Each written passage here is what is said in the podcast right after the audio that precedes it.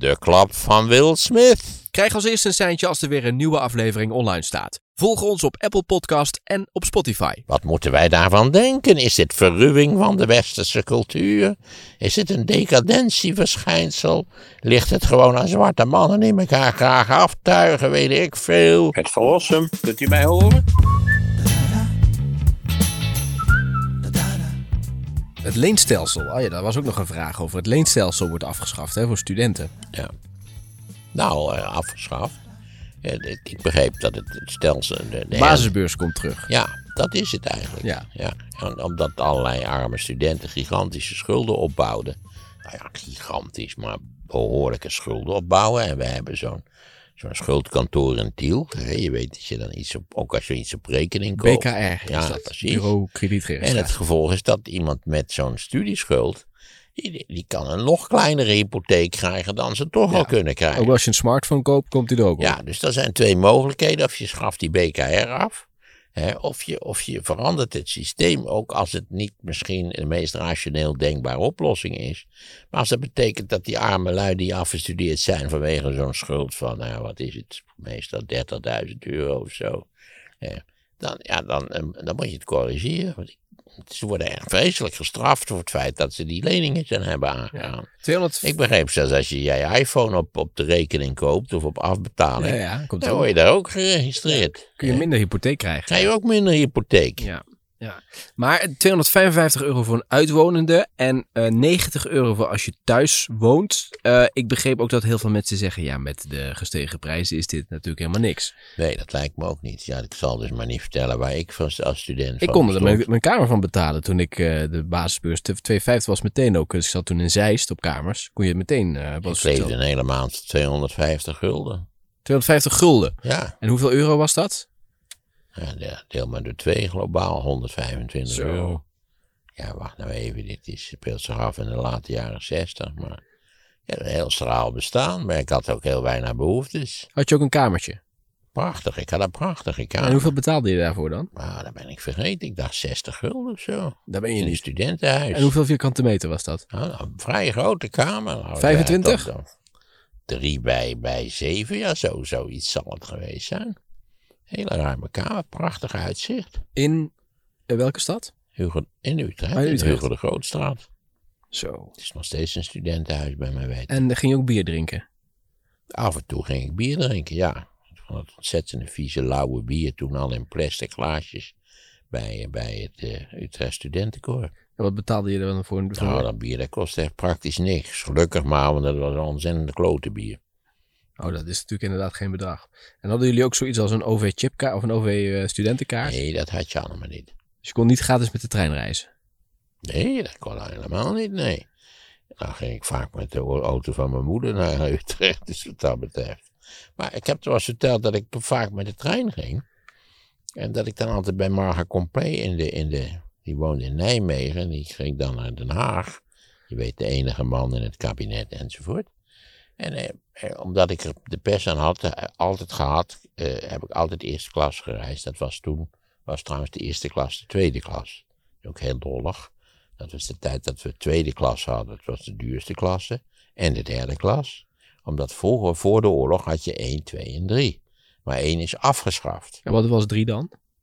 En 3 was de minste klasse. Wie zaten daar dan? Nou ja, het, hoe moet ik dat zeggen? Het vulgus, het plebs.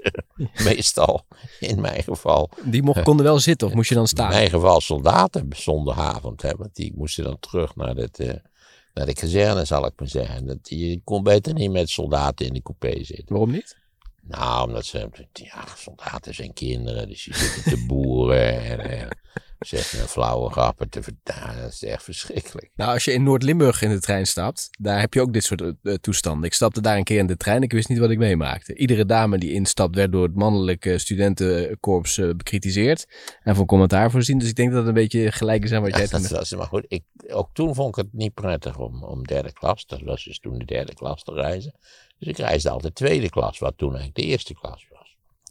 En nou ja, dan, dan reisde ik vaak samen met Marga Klompé. Ik was altijd onder de indruk van het feit dat ze keihard zat te werken Ja, in de ja, trein. dat heb je verteld. Dat kan Ja. me herinneren, ja. En Ja. dat, je, dat je niet fijn dat je een beetje uit daarbij naar buiten zit te kijken en dat je te zit te filosoferen. Nee, ze had altijd, met papieren te rommelen. ja. Nou, tegenwoordig kun je als student dus wel gratis reizen, hè? Als je dus... eh, Ja, maar je weet dat dat een bezuiniging is. Die, die OV-chipkaart of die OV-kaart voor studenten is op een goed moment ingevoerd en, en dan werd er tegelijkertijd bezuinigd op de beurs. Of op de, op de, de leningen die ze konden krijgen. Ja, goed, maar het is toch, als je de prijzen van het reizen nu bekijkt, voor, met de trein is het toch behoorlijk prijzig. Dus dat is een goede, toch? Goed Ja, voor de student. Ook, wat je dan wel ziet, is het vrij prijzig, ja. Ja, maar wel goed dat je over naartoe kunt reizen. Ja, maar het was dus nogmaals, het is, het is verkocht ook als een daad van medemenselijkheid. Maar het was gewoon een ordinaire bezuiniging. En we hebben te danken aan Pim Fortuyn, hè? Die heeft het ingevoerd. Nee, we hebben niks te danken aan Pim Fortuyn. Pim Fortuyn die heeft, heeft leiding gegeven aan een bureautje. Wat dit, hè, zo'n projectbureautje. Wat, dit, wat deze maatregel die al getroffen was, eruit moest voeren. Dat hij daar een enorm spiel van gemaakt heeft, nietwaar? Alsof hij, laten we zeggen, het, het eerste vijfjaren plan had uitgevoerd. Dat moet je nou niet, dat moet je niet geloven. Als er nou één fabulant was op het punt van zijn eigen belangrijkheid, dan was het wel Pim Fortuyn. Hè? Zelfs die Y in zijn naam is die deugd niet. Hij heet gewoon Fortuyn met een lange ei. Dus dat had hij erin gezet om het wat chiquer te laten lijken. Yes, meneer. Het zit je nog steeds best wel Ja, eh, hoog, hè? Jongen, jongen. Pim Fortuyn. Ja, die serie wordt heel goed Oh, ontvangen. toerist. Die serie wordt, doet het goed op de, de NPO op vrijdag. Goede recensies, ook van de Volkskrant. Nou ja, dat is wel helemaal een reden om het nou niet direct mee eens te zijn, toch? Ik weet niet wat de NRC heeft geschreven, Ik maar, niet, ik heb het niet gelezen, dus... eh, maar het wordt goed eh, nagespeeld. Ook met- ja, de serie wordt door mij geboycott. Ik zeg het maar even. Maar goed, je, moet toch, je kunt niet ontkennen dat Melk het geen sterke indruk destijds maakte. Melk had dat pech. Dat, dat is een moment, dat is een van de meest wonderlijke aspecten van televisie. Daar is ook wel veel over geschreven. Dat een momentopname, het, het kan enkele seconden zijn, niet waar, dat wordt door televisie eindeloos uitvergroot. Omdat je het eindeloos te zien krijgt. Het doelpunt van Van Basten. Ik heb het er vaak over gehad. Als je het maar lang genoeg ziet, dan weet je ook hoe het gaat. Hè? Er is een fameus moment van Ronald Reagan, die een of andere forumpje zit en daar is een voorzitter. En die voorzitter zegt van ja, wacht eens even meneer Reagan, u moet even uw mond houden, want eh, die andere meneer heeft het woord. En dan rijst Reagan omhoog en zegt hij, I paid for this program. En dat, dat maakt een verpletterend, dat, dat, ja, de hele zaak duurt 12 seconden. En, en ik wil niet zeggen dat hij daarom de verkiezingen heeft gewonnen, maar dat, en dat is hier ook zo. In dat ongelukkige talkshowtje wat, wat Paul Witteman daar hield in, in Eh, Melkert kwam veel later binnen, die lui zaten er allemaal al.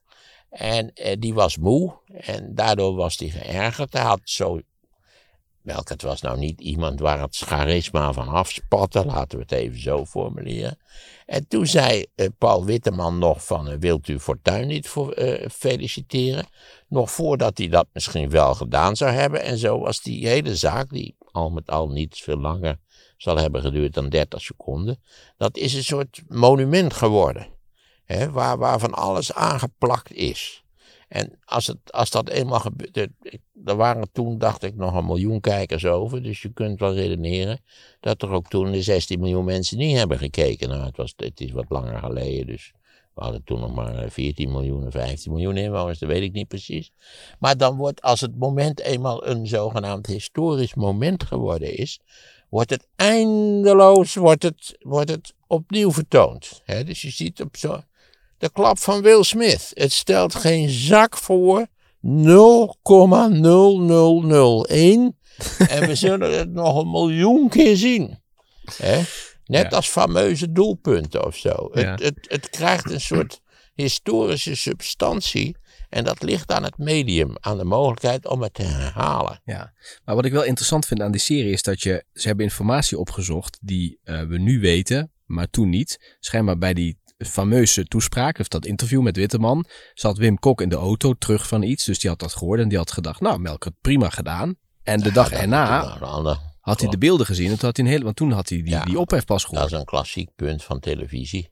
Dat het meest klassieke punt op dit punt is het debat tussen Nixon en, en Ja, John F. Kennedy. precies.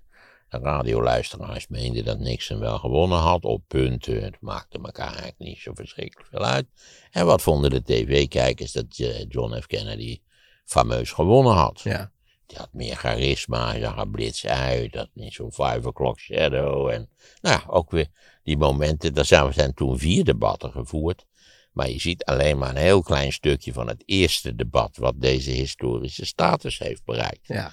Dus eh, als je zo'n moment als dat tegen je werkt en het wordt miljoenen keren want nu wordt het natuurlijk weer eindeloos herhaald, dat momentje. Ja. Hè? Want het, ja, het is, het wordt bewaard in beeld en geluid, dus daar ga je. Maar goed, wat wel natuurlijk zo is. En, en, en Melkert voelde zich daar toch eh, onheus door bejegend en ik, kon, ik had daar wel begrip voor. Maar had Melkert niet iets slimmer moeten omgaan met de populariteit van Fortuyn? Want hij negeerde hem ook een beetje. Ja, en hij was, Fortuyn was toen nog maar helemaal niet zo'n, zo'n eh, eh, hoe moet je dat zeggen, zo'n neef van de Heer Jezus als die later geworden is. Hè? Fortuyn had namelijk net die dag die verkiezingen, die In de Rotterdam. lokale verkiezingen, Ja. in Rotterdam gewonnen. Waardoor iedereen zei, hallo, deze maloot is, is, moeten we serieus nemen. En die twee afdelingen waren, van elkaar gescheiden. Leefbaar Rotterdam was die totaal iets anders dan Leefbaar Nederland. Dat waren niet dezelfde partijen. Nee, nee, nee. Want van Leefbaar Nederland had Fortuyn nu al afscheid genomen. Precies. Want je weet, waar Fortuyn kwam, kwam ruzie. Ja. Dus daar had, hij ook, daar had hij ook ruzie gekregen. En toen is hij met de lijst Pim Fortuyn begonnen. Een lijst die, die, die fameus samengesteld was uit, uit eh, personen die je kunt beschrijven als eh, 13, 12 ambachten, 13 Ja. ongelukken. Ja. Eh, nou ja, er zat een enkel normaal mens bij, maar veel stelden het niet Nee. voor. Maar wat ik dus En niet ook die zogenaamde fantastische vernieuwing van de Nederlandse politiek. Het was een- van een treurig amateurisme wat je echt niet voor mogelijk houdt. Ja. Maar jij had Melkert wel als de, de nieuwe premier willen zien toen. Want hij was goed op weg door de populariteit van Kok. Ik, eh, Melkert was fameus, een fameus goede minister van Sociale Zaken. Waar, wat waar. maakte hem goed? Dat hij efficiënt was, hard werkte en intelligent was. Hij was zeker een even goede minister-president geworden als degene die het geworden is, namelijk Balkenende. Die ik overigens helemaal niet wil kleineren. Die heeft geleidelijk aan een beetje, beetje de reputatie van een stuntelaar gekregen. Hij heeft geluk gehad dat hij toen gewonnen heeft. Ja, zeker. En, en ook dat, ik geloof ook dat, eh, hij was toen een vrij onbekend Kamerlid. En hij zei, ja, wacht maar even, ik heb die verkiezingen gewonnen, dus ik laat me niet vervangen door een of andere CDA-hotshot. En ik, ik word de premier. En ja, voor zover je in Nederland überhaupt als premier geweldig kunt scoren. Balkenende is geen, geen super premier geweest, maar hij heeft het ook niet zo slecht gedaan als zijn reputatie wil, denk ik. Ja. Maar ja, Dat is wel een voordeel als je aanvankelijk een matige reputatie hebt, dat het dan vaak wat beter wordt naarmate de historische blik erop gericht wordt. Denk aan Eisenhower, die we allemaal beschouwden als een randebiel, maar die uiteindelijk een heel redelijke president bleek te zijn. maar als ik jou zo hoor, neem jij Melkert niks kwalijk. Ja, hij had, eh, had Zeker niet. Ik, ik, ik vind juist dat hij vrij onheus, onheus bejegend is door, door dat effect wat ik daarnet heb proberen te beschrijven. Namelijk dat een, een, een gebeurtenis van, een, van, van enkele seconden, nietwaar, enorme impact kan hebben door dat godvergeten mogelijkheid van de televisie om het moment te herhalen. Maar Eindeloos te herhalen. maar hij straalde niet van, van energie. En nee, ik heb dus- natuurlijk niet. Hij was hartstikke moe. Het was het, ja, maar daarna ook niet. Hij ging ook nooit met, met Fortuyn echt de confrontatie aan. Nee, dat kan ik mij nou wel voorstellen. Dat was met hem ook niet mogelijk gemaakt. Hmm. Bovendien moest hij ook nog verwerken dat Fortuyn die overwinning had behaald. Ja. En ik begreep dus dat Melkert thuis een, een, een vrouw eh, waarschijnlijk nog steeds heeft van eh, niet-westerse afkomst. En daar ging Fortuyn natuurlijk eh, volop in. en dat had natuurlijk wel kunnen Ook gebruiken. dat wist ik niet eens. En, dat zit dus ook in die serie. Oh, dat zit ook in die serie, ja. Nog een reden om daar aan te kijken. Nee, nee. Nee, maar met, Ik, je, ik heb er gewoon geen zin in. je snapt nu wel iets beter de achtergronden van Melkert. Terwijl die Ja. toen in de media toch een beetje is afgeschilderd als een, als een, als een zure... eh, Ja, want je weet, de media die, die hebben ook heel weinig vermogen om afstand te nemen. Behoorlijk kader te formuleren. Die, die draaien ook op de emoties van het moment. De klap van Will Smith. Wat moeten wij daarvan denken? Is dit verruwing van de westerse cultuur? Is het een decadentieverschijnsel? Ligt het gewoon aan zwarte mannen die elkaar graag aftuigen? Weet ik veel. Nee joh, totaal onbelangrijk allemaal. en nog één Een leuk... mediamomentje heet Ja. dat. Kai van der Linden zit trouwens ook wel grappig in die serie. De, de spindokter was dat toen van eh Fortuyn. Ja, en ook nog van Rita Verdonk. Van Rita Van. Kai van der Linden is het is een fameus toespraakje tot studenten. Waarin hij uitlegt dat die hele club van Rita Verdonk, Verdonk dat dat gebakken lucht is. Dat vertelt hij. Ja, dat vertelt hij, terwijl hij haar, haar spindokter was. Hij is waarschijnlijk met ruzie weggegaan dan. Ja, nou, ja. Rita Verdonk, hè, nou ja, we hebben het al over gehad, is ook weer terug. Het is net zoiets als de Sovjet-Unie in de vorm van Poetin eigenlijk. Ja. Hè, dat, dat is zo'n schim uit het verleden. Dat je denkt van nou, van Rita Verdonk, dat, eh, die heeft het wel gehad verder. En potverdomme, niet waar, een soort klopgeest.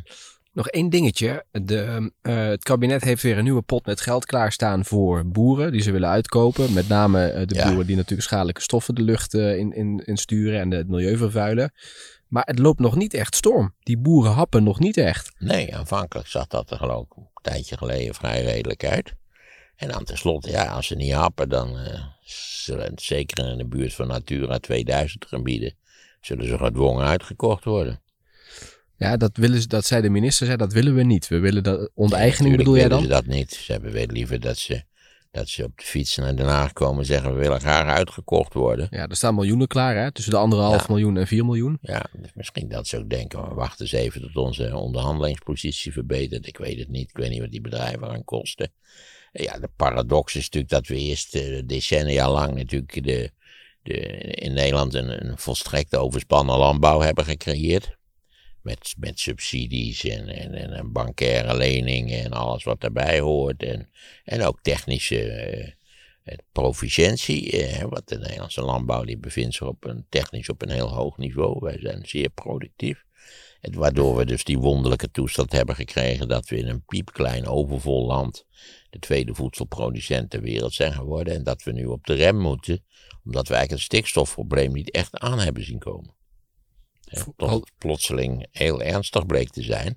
En we helemaal vergeten waren eigenlijk dat we ook in Europees verband zo'n akkoord hadden gesloten. Ja. En toen hadden we zo'n fijne regeling getroffen dat als er te veel stikstof was en je plantte dan zes boompjes, dan was het niet zo erg. Maar toen, dat is door de Raad van State getorpedeerd, waardoor we nu een stikstofcrisis hebben. Ja, met name de veeteeltbedrijven, die zouden erg eh, schadelijk Ja, zijn. dat zijn die koeien scheten.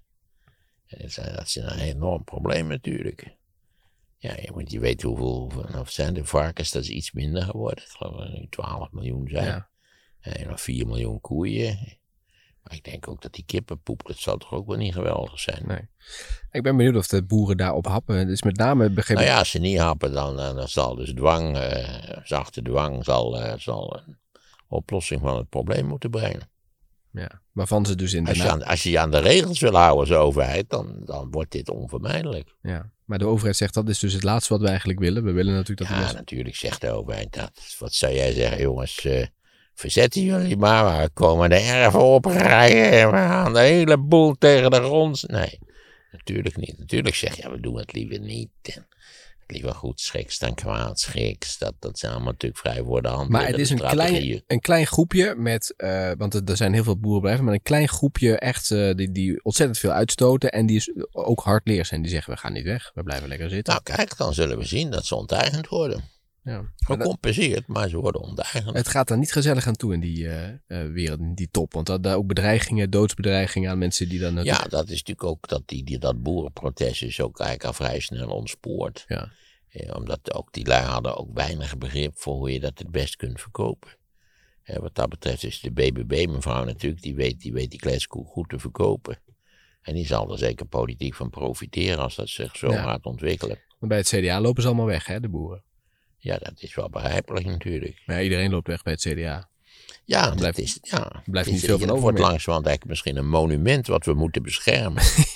Dat je zegt van nou, laten we toch, laat het CDA nou niet helemaal verdwijnen, dat zou jammer zijn. Hè? Ja. Het is eigenlijk net alsof je een monument, een echt monument afbreekt.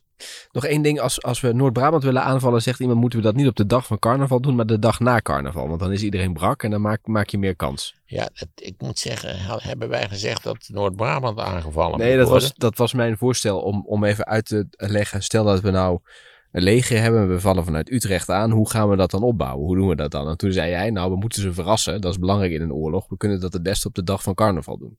Zo ging het een beetje. Oh, En, en deze man heeft daar een hele week over na zitten denken. En die zei van ja, dat kunnen ze het beste na vier dagen carnaval kunnen Precies. ze het beste aanpakken. Meer toch? mensen zeiden dat overigens hoor. Oké, even kijken. Een paar vragen van mensen. Misschien ook wel over uh, waar we het nu over gehad hebben. Uh, we beginnen met onze eerste vraagsteller. Dat is Fred Hoogland. Tom, Fred uit Haarlem hier. Uh, in de laatste podcast die ik luister over Zelensky... zeg je dat je gelooft dat als Nederland weer een republiek zou worden... dat we dan twee keer zo rijk zouden zijn als, als nu... Ehm, en ik, ik, mis eigenlijk waarom. Want ik ben zelf pro-republiek. Maar ik heb er ook wel eens een discussie over. Um, ik, ik ben wel benieuwd wat jouw zienswijze hierop is. En uh, ja, ben je eigenlijk een monarch, monarch of een republikein? Dankjewel. Ik luister trouwens onwijs graag naar je podcast. Ja, ik kan me helemaal niet herinneren dat ik heb verklaard dat Nederland als een republiek zou worden, twee keer zo rijk zou worden als het nu is. Want ik geloof helemaal niet dat dat zo is, eerlijk gezegd. Misschien heb ik dat in een moment van retorische opwinding beweerd, maar dan trek ik het bij deze in. Ik denk niet dat dat zo zal zijn. Uiteindelijk is natuurlijk de invloed van het Koninklijk in Nederland zeer, zeer beperkt. Godzijdank, zeer, zeer beperkt. En eh, zou het, eh, het, het was meer de, de spielerij dat dat wij natuurlijk groot geworden zijn als republiek. Als een, als een van de eerste Europese republieken samen met uh, Venetië. Ja, was natuurlijk ook de Nederlandse republiek echt een wereldwonder. Anders kun je het niet noemen. Maar dat wil niet zeggen dat we nu, als we weer een republiek zouden worden. Was het niet Klaus die zei dat we eigenlijk een republiek waren met een koninklijk huis? Zoiets in die geest. Nou ja, dan komen we aan vraag 2. Wat ben ik een monarchist of ben ik een republikein? Ja, natuurlijk ben ik elk normaal denkend mens is een republikein. Dat kan haast niet anders. Je moet wel, wel gevoelig zijn voor allerlei sentimentalisme en infantilisme. Wil je een koninklijk huis uh, lollig vinden? Al zullen vele mensen zeggen, ja, ja, nu weet je een beetje waar je aan toe bent. En uh, uh, dat is ook een stabiele factor in de Nederlandse politiek. En Stel voor dat dat dan, wie zou dat dan premier, ooit het, president moeten worden in Nederland? En werd natuurlijk altijd gezegd dat zou Van Acht moeten worden. Maar nee, ik had Van Acht een prima president gevonden, eerlijk gezegd. Hè? Die is er alleen maar progressiever op geworden naarmate hij ouder geworden is. Dus huppakee. Maar goed, dat, dat, ja, je hebt ook een kans dat omzicht president wordt. Dat vind ik ook trouwens. Als ze maar niks te vertellen hebben, dan, dan haalt het eigenlijk op. Net zo goed als de koning niks te vertellen heeft natuurlijk. Mark de Kok, die stelde een vraag over het Russische gas. Hij zegt in die discussie rond het gas gaat het vaak over het geld, de economie. Maar nergens over ons leven, comfort, um, uh, kunnen we koken straks. Als het over het gas gaat, gaat het vooral over geld en niet over levens in het algemeen. Wat vind je daarvan? Nou, ik dacht een beetje dat het over allebei ging. Dat als we, als we plotseling zonder gas komen te zitten, trouwens in Nederland is dat niet zo'n vreselijk probleem omdat wij zelf een hoop gas hebben, hebben we wel besloten dat we dat gas niet gingen gebruiken. Maar als de nood aan de man komt, gaan we dat natuurlijk toch wel gebruiken. Dat is het gas in Groningen. Of eventueel een aantal kleinere gasvelden die nog aangeboord zouden kunnen worden op de Noordzee. Maar eh, ja, als voor Europa als geheel zou helemaal geen Russisch gas op dit moment een groot praktisch probleem zijn. Ik hoop wel Laten we, nou ja, laten we ook eens even degene noemen die, eh, die erop gewezen hebben hoe kwetsbaar we ons hadden gemaakt, namelijk de Amerikanen. Die jaar in jaar uit hebben gezet, doe dat nou niet. Eh, het is een onbetrouwbare partij. Je kunt beter dat LNG van ons uh, aan laten voeren. Dat soort. Dat was ook wel in hun eigen belang. Maar achteraf moet je zeggen, daar hadden ze groot gelijk in. Want nu zijn we afhankelijk van Poetin.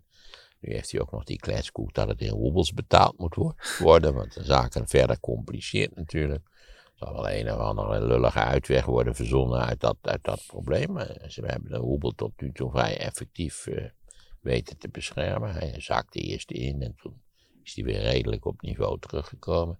Maar we hebben nu wel één ding geleerd, dat we, en je hoopt dat dat ook effect zal hebben, dat we in de nasleep van deze ongelukkige affaire ja, dat we moeten zorgen dat we ons volledig onafhankelijk maken van, uh, van Poetin en, en zijn kornuiten. Ja. Frankrijk moet even die gasleiding doortrekken. Ja, ik, ik, heb ook dat plaatje gezien van die desolate buizen die daar in een Spaans bosje uit de grond steken. Omdat niemand weet, want ook hier geldt natuurlijk altijd weer de dader ligt op het kerkhof. Niemand weet waarom dat ding niet doorgetrokken is, maar De waarschijnlijk omdat de. Fransen geen interesse hadden. Nee, ze vonden het te duur. Nee, die hebben kernenergie, dus die Ja. liggen, er ook, maar liggen er ook niet. De boel de zwakke partij is die Duitsland natuurlijk. Waarom? Omdat Duitsland de grootverbruiker is. Ook wel die kleinere landen in Oost-Europa. En Italië? Maar ja, maar Italië schijnt dus eigen pijp te hebben, als ik het allemaal goed begrepen heb. Maar Duitsland is toch wel de partij die hier het meest Ja. afhankelijk is. Wie hebben we dan hier nog? Tom Gerrits stelde ook een vraag. Hallo Tom en Maarten, met Tom Gerrits uit Haren. Ik heb op 8 Ook alweer uit een, Haarlem is dat in, in Tentamen. Samenzweer. Haren. Haren. Oh, eh, Haren, oké. filosofie van de wetenschap. In het kader van mijn opleiding als natuurkundedocent. Ik vroeg me af, Maarten, wat is jouw mening over pseudowetenschap? Kun je daar nog iets leuks over vertellen? Gegroet, Tom Gerrits. Pseudowetenschap. Nou ja, je hebt een heleboel pseudowetenschap. Maar misschien kunnen we. een- een- Het voorbeeld wat ik zelf altijd zowel amusant als onbegrijpelijk vind, namelijk de astrologie. Bovendien klinkt dat een beetje als astronomie en veel mensen weten niet wat het verschil is. Ja. En, en, en hoe heet het? Astronomie is, laten we zeggen, kennis van, eh, van de buitenaardse condities, om het maar zo te zeggen, op alle denkbare niveaus.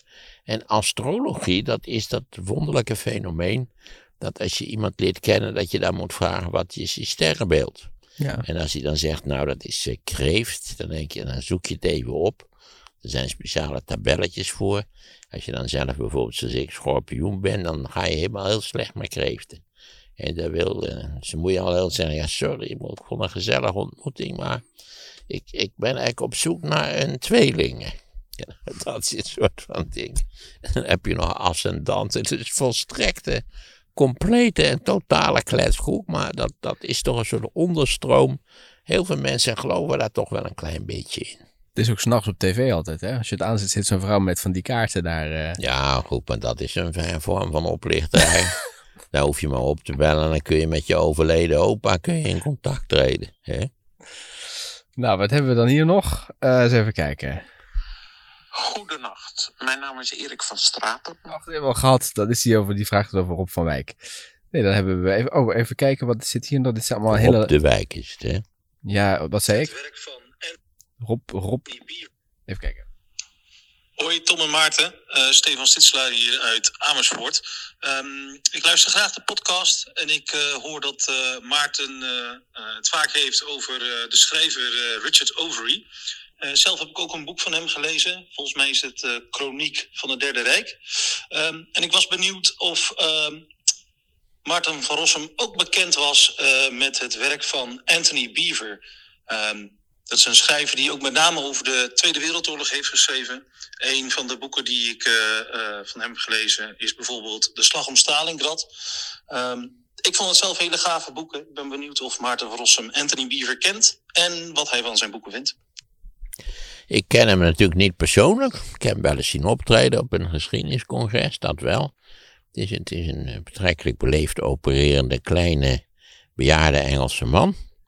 Eh, ik heb van Beaver twee boeken gelezen, namelijk één over de Tweede Wereldoorlog. Dat is wel grote stappen snel thuis, maar ook het boek Arnhem. Dat gaat over, over eh, laten we zeggen, Market Garden. Dat vond ik eigenlijk een vrij opmerkelijk boek, omdat die, dat die echt buiten en prettig boek te lezen, laat ik dat eerlijk daarbij zeggen.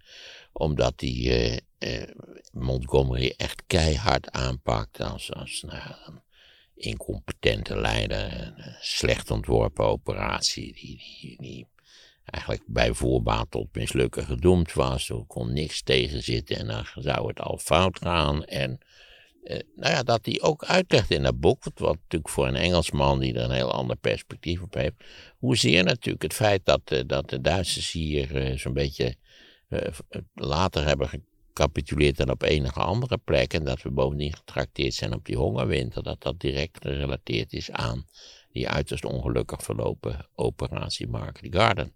Dus ik vond dat Arnhem eigenlijk wel een opmerkelijk boek, ja. Voor een, voor een Engelse historicus vond ik het een opmerkelijk boek. Nog een eh, idee voor een vergeten voorwerp: grammofoonplaat. Oh ja, maar die zijn me niet vergeten. Want ik zag toevallig een staatje in de krant staan. Dat, eh, dat zo'n beetje de, de, de verkoop van, eh, hoe heet het? eh, die- LP's. Van LP's, dat die geëxplodeerd was. Dat dat enorm snel toenam.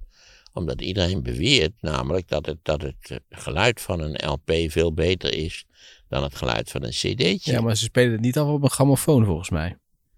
Hoe, hoe moet je die LP dan? Nou ja, op zo'n ding met van die boxjes wel eraan. Maar een grammofoon is echt met dat ding met die roeptoeter, toch?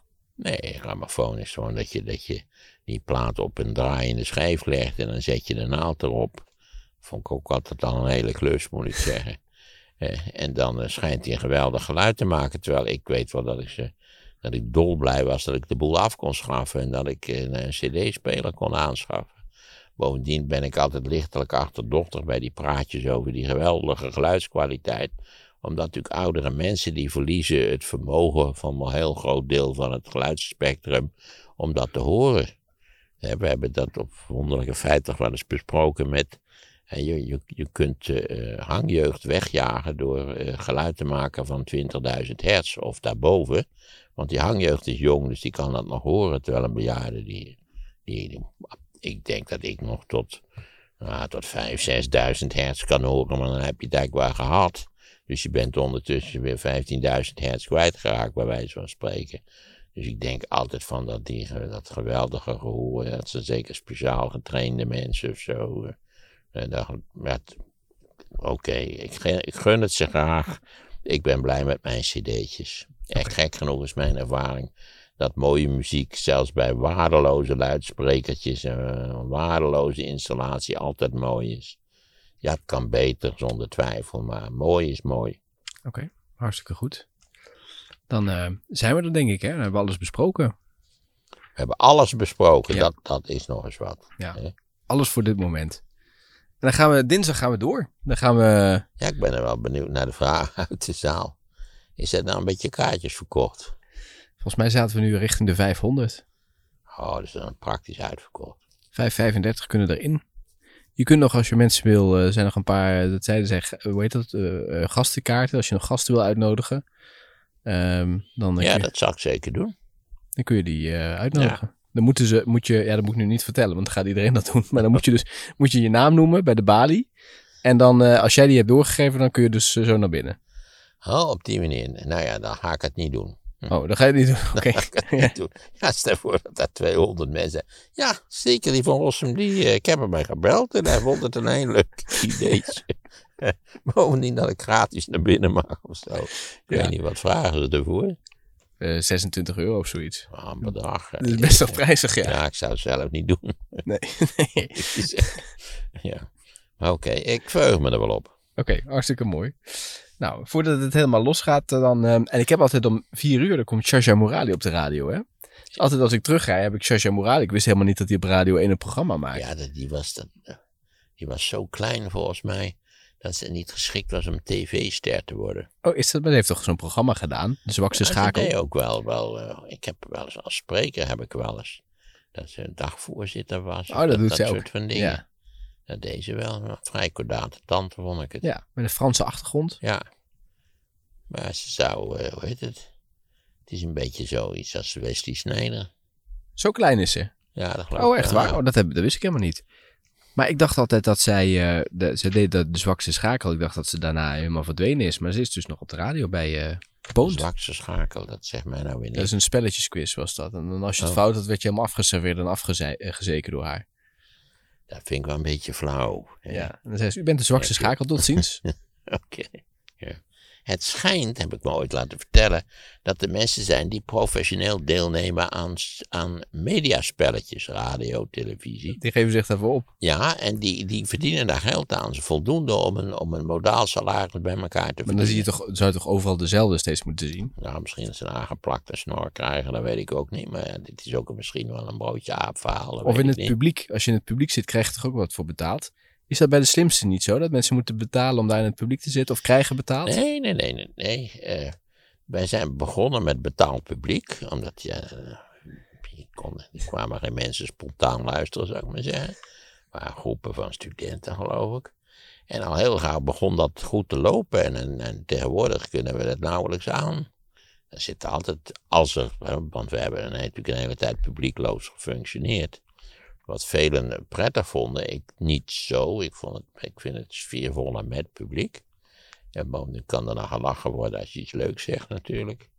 Terwijl ja, als je, als je iets leuks zegt terwijl er geen publiek is, dan heeft, dat, is, dan heeft, heb je eigenlijk geen respons. Maar eh, bij mijn weten hebben wij ruim voldoende eh, aanbod van publiek. Er komt nu toch ook nog een nieuwe buitenlandse versie bij, begreep ik.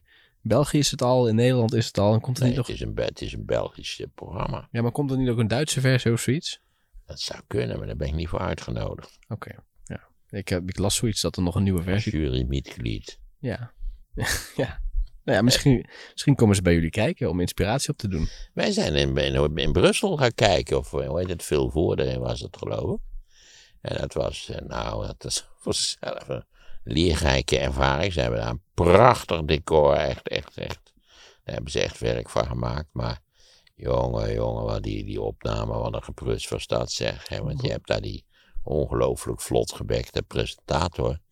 Nou, die maakte echt, stapelde fout op fout, jongen. We hebben er 2,5 uur gezeten op die dunne kussentjes. Nou, we hadden een houten reet waar we nog een week lang last van gehad hebben. En hij het viel me enorm tegen. En ik had ook in een van die juryleden zijn, zijn, zijn lolligheden van de autocue las. Ik vond helemaal niks. Dus die presentator moest het Nee, ik steeds vond, ik opnieuw vond die hele sfeer van, van, van hilariteit, gedwongen hilariteit, vond ik helemaal niks. Het is wel heel populair, eh, die... Ja, ontzettend populair. Maar wij zijn even populair op een andere manier. Maar het gaat dus in België, of in België vaak mis en moeten ze het opnieuw doen. Opnemen. Ja, dit, dit duurde. Wij zijn toch in principe. Moet je rekenen, het hele programma duurt natuurlijk geloof 40 of 45 minuten, weet ik niet eens precies. Maar we zijn er met anderhalf uur wel uit wat betreft de opnames. Maar jouw stukken worden altijd kleiner, gek- eh, korter geknipt. Ja, ik ben als het ware de, ik ben de elasticiteit in de show. Hè. Gaat, loopt de show razendsnel en, en, en zijn er geen incidenten, dan, eh, eh, dan hebben ze iemand nodig die de, de lege plekken opvult om naar die 45 minuten te komen. Maar het kan ook zijn dat de zaken trager lopen of anders en dan gaan al mijn heerlijke opmerkingen die gaan eruit. Maar ja, dat weet je van tevoren, dus daar maak je ook niet druk over. En bij Philip, Want het is altijd zo dat als zij zelf, als de redactie vindt dat je iets geweldig lolligs hebt gezegd, maar wat er toch uit moest bij die uitzending, dan weet je dat de vraag herhaald zal worden op dezelfde manier.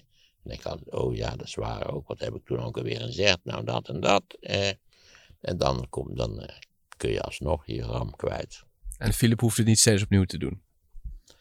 Nee, maar Philips heeft wel eens een uh, versprekingje natuurlijk, zonder meer. Maar eh, niet, niet zoals die Belgische presentator. Nee, vergeleken met de Belgische presentator is Philip ronduit een genie. Ik kan het niet anders zeggen. Oké, mooi. De klap van Will Smith. De sluipschutter. Maarten van Rossum over de Tweede Wereldoorlog. Hè, dus iemand die zich handig verstopte en die elke vorm van beweging bij de tegenstander zou kunnen afstraffen. Download het luisterboek via de link in de beschrijving. En de Duitsers hebben ook het, de primeur gehad van het gebruik van gifgas.